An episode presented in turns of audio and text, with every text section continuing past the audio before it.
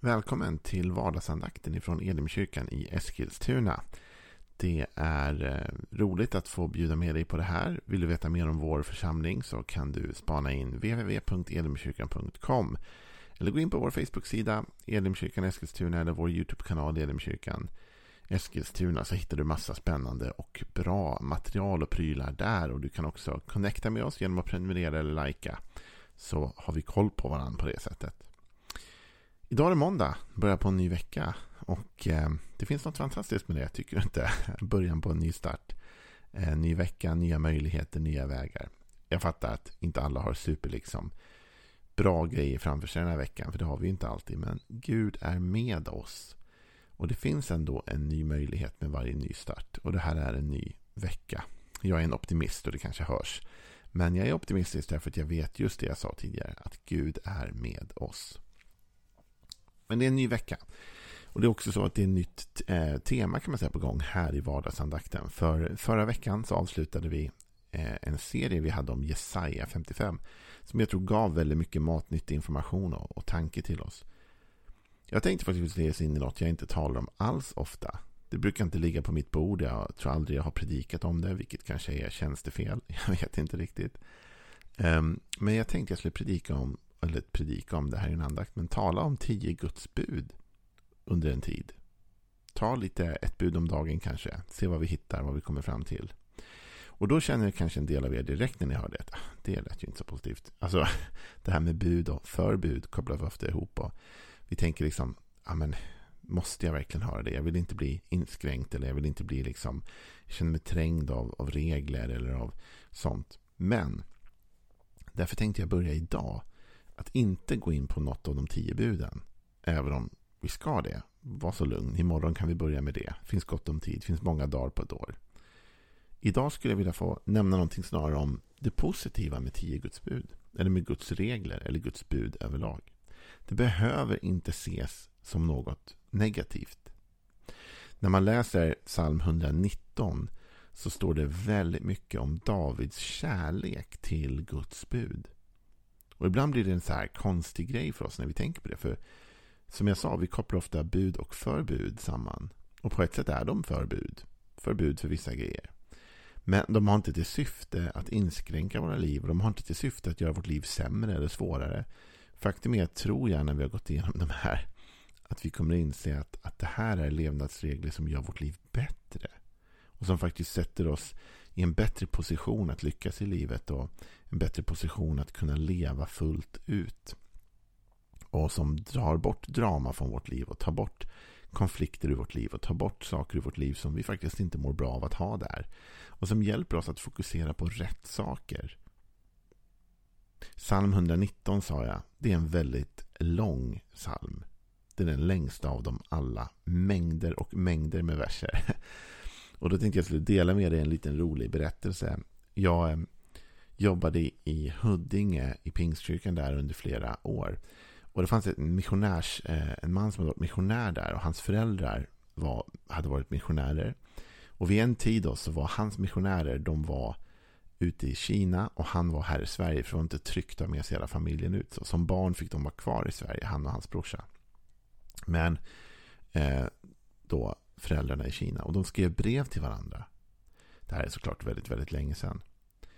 Och då skrev de, ofta i varje brev så hade föräldrarna med ett kapitel i Bibeln som barnen skulle lära sig utan till de skulle memorera.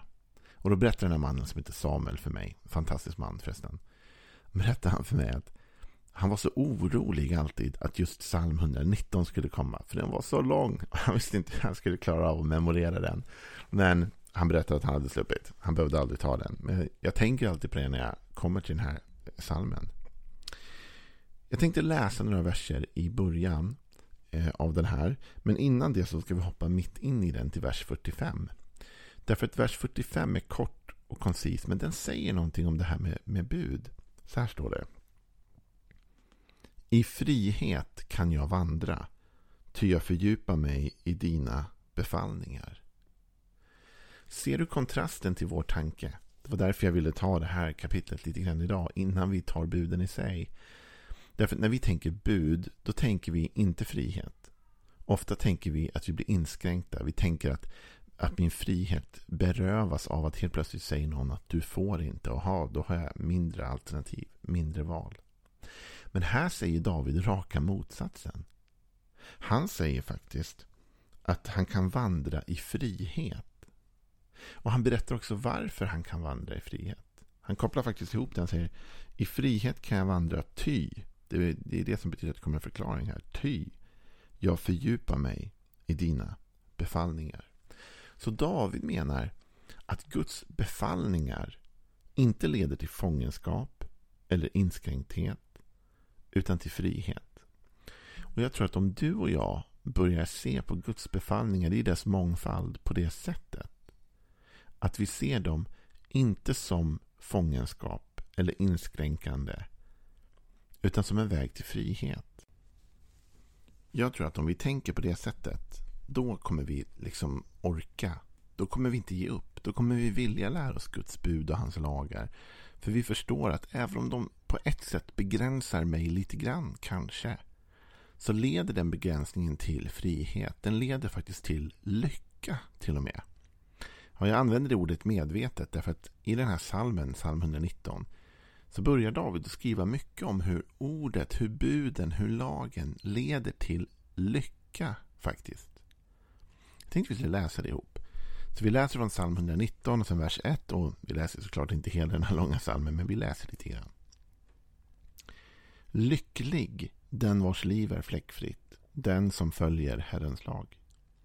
Lycklig den som lyder hans lagbud och helhjärtat vänder sig till honom, som aldrig gör något orätt, utan lever efter hans bud. Du har gett dina befallningar, de ska följas noga. Om jag bara kunde stå fast i min strävan att hålla dina stadgar. Då behövde jag inte blygas när jag betraktade alla dina bud. Jag tackar dig av hjärtat när du lär mig dina rättfärdiga lagar. Dina stadgar ska jag hålla, överge mig aldrig. Hur kan en ung man bevara sitt liv rent så att han håller sig till ditt ord? Helhjärtat vänder jag mig till dig. Låt mig aldrig vilja bort från dina bud. Vad du har sagt bevarar jag i mitt hjärta så att jag aldrig syndar mot dig. Och så fortsätter detta åt och fortsätter och fortsätter. Och så kommer vi till vers 14. Jag gläds åt att följa dina lagbud, så som man glädjer sig åt rikedom. Jag ska begrunda dina befallningar, jag ska ge akt på dina vägar. I dina stadgar har jag min lust. Jag glömmer aldrig ditt ord. Så här talar David, när man läser det här får man inte intrycket av att det här är en person som tycker det här är så värst jobbigt. Ja, han ger uttryck för att det finns en kamp i detta. Han ger uttryck för att det inte alltid det här är så enkelt som man tror. Jag menar, han säger ju själv så här, om jag bara kunde stå fast i min strävan efter att hålla dina stadgar. Det visar att även David höll inte alltid fast vid detta. Han lyckades inte alltid leva upp till det, det ideal han själv hade, att leva efter buden, att leva efter lagen. Utan ibland så misslyckades han faktiskt med det. Precis som du och jag såklart också gör det. Han fortsätter, han säger också hur kan en ung man bevara sitt liv rent så att han håller sig till ditt ord. Så här visas det liksom ändå en, en förståelse av att det inte är så enkelt som man kan få för sig att tro. Men däremot så talar han om att det här är lycka. Att följa buden är lycka. Lycklig den vars liv är fläckfritt, den som följer Herrens lag. Lycklig den som lyder hans lagbud. Och så lite senare säger han även som vi läste tidigare då. Att eh, jag gläds åt att följa dina lagbud. Som man glädjer sig åt rikedom. Så här förstår vi att det här är inte tungt. Det leder till lycka. Det leder till glädje. Jag tror vi måste förstå det. Om vi ska nu gå igenom under en liten tid de här olika buden som Gud har gett oss i sitt ord. Och framförallt tänker jag på de tio Guds bud. Det finns såklart många mer tankar än det. Så måste man ändå inse en sak. Varför ska jag vilja lyssna till detta, lära mig detta eller följa detta? Det finns många skäl till det. Men ett av skälen är lycka. Alltså Guds bud leder till lycka. Guds bud är inte, leder inte till olycka. Faktum är, jag tror att när vi läser igenom Guds bud så kommer det bli ganska tydligt för oss att bryta mot Guds bud öppnar upp för betydligt mer olycka. Det här är regler, det här är bud som egentligen är satta för vårt bästa. Som är tänkta att ge oss glädje, som är tänkta att ge oss lycka. Även om lyckan inte är precis just i nuet kanske. Du vet, så har vi alla det med rutiner och med, med olika saker som vi sätter upp för oss själva. Jag har försökt utarbeta lite rutiner nu i mitt liv som har att göra med att äta en bättre diet än det jag har käkat. Fråga inte det, men eh, jag ska försöka äta bättre. Och även förutom att äta bättre så försöker jag träna. Och du vet, när man håller på med det så kan man tänka så här, det här ger ingen glädje. Alltså det är ingen som tycker det är kul att liksom inte äta den goda feta maten. Det är liksom, man har det här, det här är ju gott, det här vill jag äta. Alltså, det här känner jag glädje i stunden när jag äter. Det kan jag ärligt säga att jag känner ofta större glädje att äta den onyttiga maten i stunden än den nyttiga maten. Men i längden, i ett litet perspektiv, så kommer den onyttiga maten inte ge mig lycka. Utan olycka kanske till och med. Jag kanske till och med blir sjuk och min kropp inte riktigt mår bra av detta. Medan den här andra maten kan tyckas för stunden inte vara lika eh, rolig eller, eh, eller givande. Men i ett längre perspektiv leder den mig till lycka därför min kropp mår bra. Och när min kropp mår bra då blir jag ju lyckligare såklart än om min kropp mår dåligt.